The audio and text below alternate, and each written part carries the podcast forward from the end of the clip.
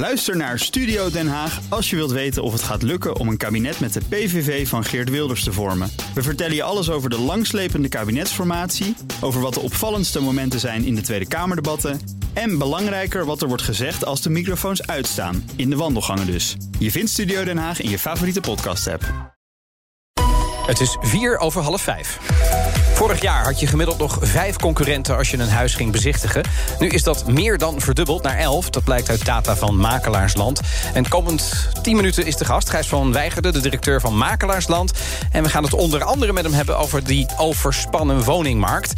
Want ja, de prijzen zijn hoog, de interesse is groot, de markt is booming. Maar dat is voor jullie niet onverdeeld goed nieuws, hè? Goedemiddag trouwens. Goedemiddag, dank dat ik hier mag zijn. Uh, nou ja, dat is uh, voor de verkoper heel goed nieuws, zeg ik altijd. Uh, voor de koper en de makelaars minder. Want je ziet nu wel dat het aantal transacties van huizen gedaald is. Zeker de eerste maanden ook van, van dit jaar. Dit jaar, ja. Aan de andere kant, wat we ook zien, is een trend dat er steeds vaker een aankoopmakelaar wordt ingeschakeld. Dus uh, dat, is weer, uh, dat is weer een nieuwe uitdaging, zou ik maar zeggen. Ja, maar dat, is een dat lijkt me een logisch gevolg. Hè? Want je probeert er alles aan te doen, denk ik, als aankopende partij. En er is toch het gevoel in de markt dat een aankopende makelaar meer helpt dan, een, dan dat je het op eigen houtje doet. Zou dat kunnen kloppen? Uh, nou ja, als we gewoon even naar de cijfers kijken, ja? dan is het uh, eigenlijk 70% van de mensen die kopen eigenlijk nog zelf aan. Dus okay. uh, ongeveer 30% doet een aankoopmakelaar inschakelen. Dat is wel gestegen de afgelopen jaren. Die mensen wonen niet in de randstad, denk ik. Die, die mensen wonen ook in de randstad. Je wel verschillen trouwens. Hè. Ja? In de randstad wordt vaker een aankoopmakelaar ingeschakeld. Even uit mijn hoofd gezegd, in Amsterdam, Rotterdam zit het boven de 50%. als je wat meer het land ingaat, is dat minder. Maar zien we dat ook stijgen. Dat is dat elke keer de trend die we zien. Hè. De prijzen stijgen in Amsterdam, daarna de andere steden. Je komt er gewoon niet meer tussen zonder. Nou, je of bijna niet meer dan dus? Nou ja, minder. Dat is wel moeilijker. Uh, en je ziet dus dat uh, mensen ook onzeker worden... en graag een stukje begeleiding erin willen. Ja, Want, maar als we dan kijken waarom dat allemaal zo is... dat heeft natuurlijk alles te maken... en dat roepen we inmiddels echt al jaren... met ja. allerlei experts, die woningmarkt zit gewoon op slot. Hè. Dat, is, dat is gewoon op dit moment wat er gebeurt. Steeds meer op slot. Steeds meer, ja, ja, precies. Um, wat zou de belangrijkste analyse zijn waarom dat zo is? Nou, ik denk dat wat je, wat je ziet is dat. Uh, en dan, uh, het, het, klinkt een beetje algemeen, maar de hypotheekrente is laag. Dus mensen kunnen heel goedkoop lenen. Ja. Uh, je ziet dat er gewoon echt een drastisch tekort is aan huizen. Ten opzichte van het aantal huishoudens. aanbod gewoon dus. De aanbod. Ja. En ja, daardoor zie je dat mensen gaan vechten om die woning. Ja. En dan, ja. Nou ja, inderdaad. Wij spreken natuurlijk ook woningmarktexperts die zeggen je moet ook fiscaal aanpassingen doen. Is dat net zo belangrijk? Bijvoorbeeld in ons uh, programma en podcast Vastgoed gezocht was fiscalist René Maat te gast en die zegt ja, je moet die fisca fiscaal moet je het eigenlijk doen om geld te ontvangen en niet om andere economische problemen zoals bijvoorbeeld de woningmarkt op te lossen. Probeert de overheid wel, maar die maken het probleem eigenlijk groter daarmee. Want mensen hebben dus meer, kunnen meer, gaan meer geld lenen, gaan het meer doen. Dat wordt op de een of andere manier fiscaal gefaciliteerd. Maar dat komt natuurlijk in, op een krappe woningmarkt alleen maar ten goede van de mensen die het zich kunnen veroorloven. Nou ja, hoe duurder de huizen zijn, eh, laten we eerlijk zijn, dan uiteindelijk eh, kan je eh, de mensen die iets meer te besteden hebben, kunnen ook wat makkelijker kopen. als je dat ja. als basis neerzet. Ja, dat is niet heel eerlijk voor, voor zeg maar de mensen die nou ja, eigenlijk nu pas komen kijken met een klein portemonneetje. Die, dan wordt het lastiger, toch? Om, om, nou, dan wordt het zeker lastiger, want je moet eigen geld meenemen. Ja. Als je bijvoorbeeld starten, een stukje eigen geld. En uh, uh, ja, die, die meer neerleggen. En de, uiteindelijk is het uh, wat je koopt afhankelijk natuurlijk van je inkomen... in combinatie van de, de rente en de aflossing. Ja, nou dan, dan, dan FD-columnist Matthijs Bouwman, die zegt ook iets anders. En daar kunnen jullie misschien iets aan doen als ja. makelaars. Die zegt ook... Um, huizenkopers en verkopers die hebben echt baat bij een open proces. En op dit moment is bijvoorbeeld dat hele biedingentraject... Ja, dat wordt steeds ondoorzichtiger. Van wat gebeurt daar nou precies? Wie biedt? En misschien krijg je het wel gegund. Hoe, hoe kijk jij daarnaar? Nou ja, kijk, ik, ik vind dat je weer heel zuiver moet kijken naar de rol die je hebt als makelaar. Hè. Ben, treed ik op voor de verkopende partij of de aankopende partij? Uiteraard, ja. Hè, dus, dus, dus er is veel discussie over een open biedingsproces. Ja. Maar uiteindelijk, als, als een klant naar mij toekomt, nou even mijn mensen toekomt, ja. die zegt ik wil met jou verkopen. Ja. En haal voor mij het beste eruit. En dat kan zijn een, ho een hoge prijs, kan zijn snel verkopen. Nou, allerlei voor, kan uh, een, een, een bod onder, zonder financiersvoorbehoud zijn. Ja. Dus dat is wel. Uh, en, en, je zegt dat is mijn klant dan? Want dat is mijn verkopen. klant waar ik voor moet zorgen. En wat wij in ieder geval doen, is dat heel transparant naar onze klanten elke keer vastleggen. Elke bieding die binnenkomt, elke keer teruggeven. Of we deze prijs kregen, is dat goed? Met deze voorwaarden willen we door. Ja. Ja. Nou ja, en, kijk, eh, vreemd genoeg, eh, eh, zegt Matthijs Bouwman, hoor je die verkoper er- er daar eigenlijk nooit over. Maar uiteindelijk zou iedereen gebaat zijn bij een zo transparant mogelijk proces. Daarvan zeg jij, nou, dat is dus voor de verkoper niet altijd waar. Nou, ik vind dat voor de verkoper dat niet altijd waar te zijn. Kijk, bij de de verkoper die wil gewoon een, in zijn voorwaarden de maximale prijs hebben. Dat is ook uiteindelijk waar je voor, waarvoor je als, waar hij, voor hij naar je toe komt. Ja.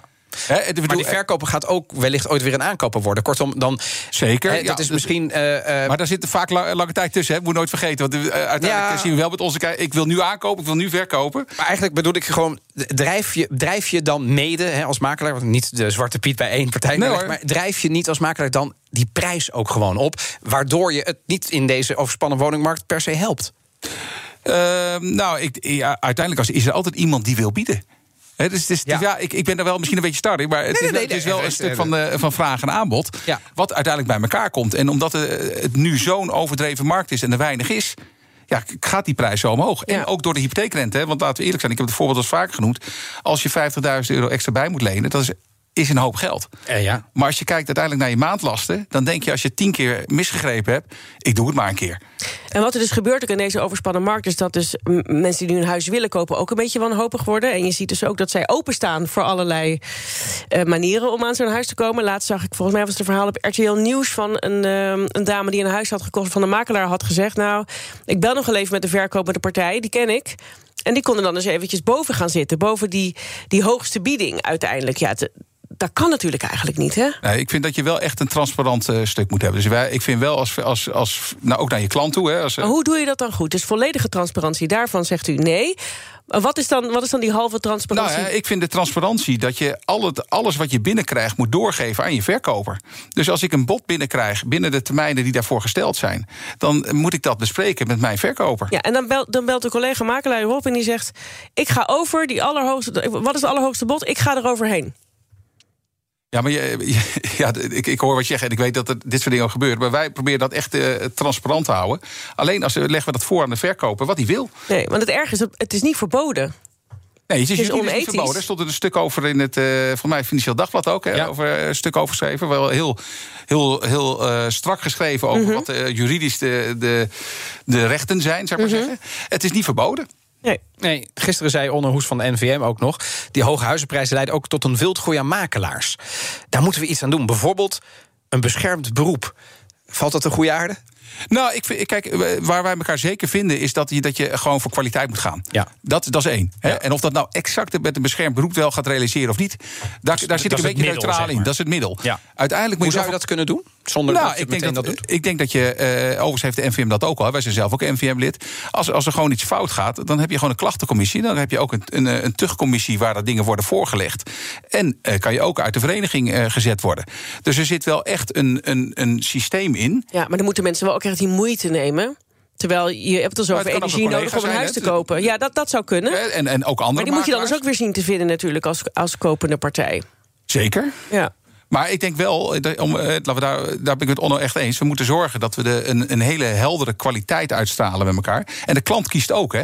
Dus ik bedoel, de klant die kiest zelf heel erg van... ik vertrouw toch die man of vrouw bij mij in de buurt. Of ik kies voor een online partij omdat dat geld scheelt. Of, Ja. hè, dus laten we eerlijk zijn. Dat, dat, daar, en ik vind, we, we moeten zeker naar de makelaardij kijken. Hè. Je moet elke dag naar jezelf kijken en eh, je recht in de ogen kunnen kijken. Maar ik vind die klant heeft er ook een rol in.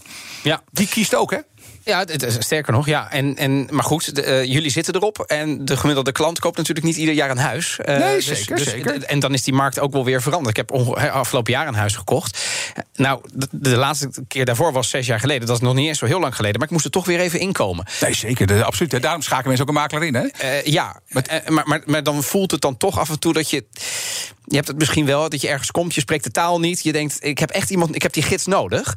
En dat voelt ook een beetje onmachtig. Maar eh, laat, laat me maar, dan zou ik je de vraag willen stellen: wat doe je? Want jij gaat toch, denk ik, dan drie of vier makelaars af om even gevoel te krijgen bij welke persoon er past. Je vraagt dus Ja. je vrienden, je, je kijkt misschien Zeker. op de Funda reviews. Ja. Dus, dus er is best wel veel info om daar eh, een goed beeld ook voor jezelf te worden. Het blijft een vak, maar dat is voor een hypotheekadviseur hetzelfde. Maar dat is ook iemand die je pakket komt leggen.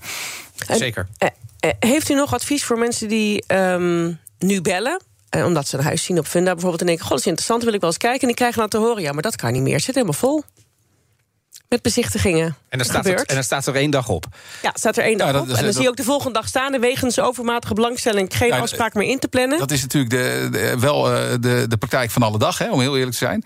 Eh, eh, ik zou zelf altijd nog een keer zelf echt bij die makelaar nog keer bellen en eh, proberen ertussen te komen. Je regelt het maar, want je kunt geen huis kopen zonder het te bezichtigen. Nee, dat, Dus je wordt dat in zou, feite wordt je dus de toegang dan echt ontzegd tot de woningmarkt... als je dat in je eentje probeert op die manier. En je, en, Zeker, en je maar- mag niet komen kijken. Maar er zit natuurlijk op een gegeven moment wel ook een grens. En we hebben ook huizen waar je soms 40, 50 kijkers hebt. En het, het houdt een keer op. Hè. Ja. Die, eh, dus, dus, dus het is niet zo dat iedereen zegt... wil na drie of vijf of zes kijkers, dan stoppen we ermee. Het is vaak na 20, 30. Ja. En dat is wat, wat Maar er het probleem gebeurt. is natuurlijk nu ook wel dat hè, als je afhankelijk, als je het in je eentje zou doen, dus zonder aankopend makelaar, en je hebt dus alleen funda, dan ben je in feite al te laat voor hè, in veel plekken in Nederland. Nou ja, Zo je- is het als nu. je in Amsterdam kijkt, is dat 50 Hè? Ja, ik probeer altijd een beetje weer terug naar de, naar de cijfers Ja, te gaan. ja, Dat is heel zeggen. Die heb ik Oh, dan toevallig. cijfers, maar dat, dus dat, dat scheelt. Ja. Je, je hebt ook het idee dat de markt een beetje op slot zit door de onzekerheid rondom corona, kreeg ik de indruk. Ja, ik, ik denk dat dat wel mijn gevoel is. Dat kan ik overigens niet onderbouwen. de- Maar dat dat wel. Nee, maar daarom eh, zei ik, je, je hebt het gevoel- ja. ja. ik denk dat dat. Ik, het zou kunnen zijn dat het wel wat meer lostrekt. Wanneer? Eh, als, als, ik denk als, als eh, toch de, de, de meer vrijheid ontstaat. En ook met name meer baanzekerheid ontstaat. Ik denk met name dat mensen denken ook van. Goh, eh, eh, eh, m- wat gebeurt er met mijn baan? We- Zeker in bepaalde branches die het moeilijk hebben gehad.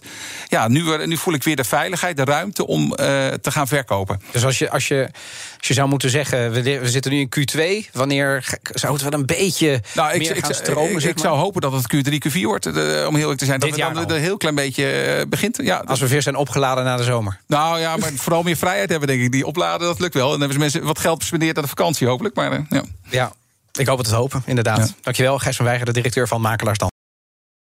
Ook Hugo Reitsma vind je in de BNR-app. Superhandig die BNR-app. Je kunt alle programma's live luisteren, breaking nieuwsmeldingen. Je blijft op de hoogte van het laatste zakelijke nieuws. En je vindt er alle BNR-podcasts, waaronder natuurlijk de belangrijkste, Boeken zijn in de wijk. Download nu de gratis BNR-app en blijf scherp.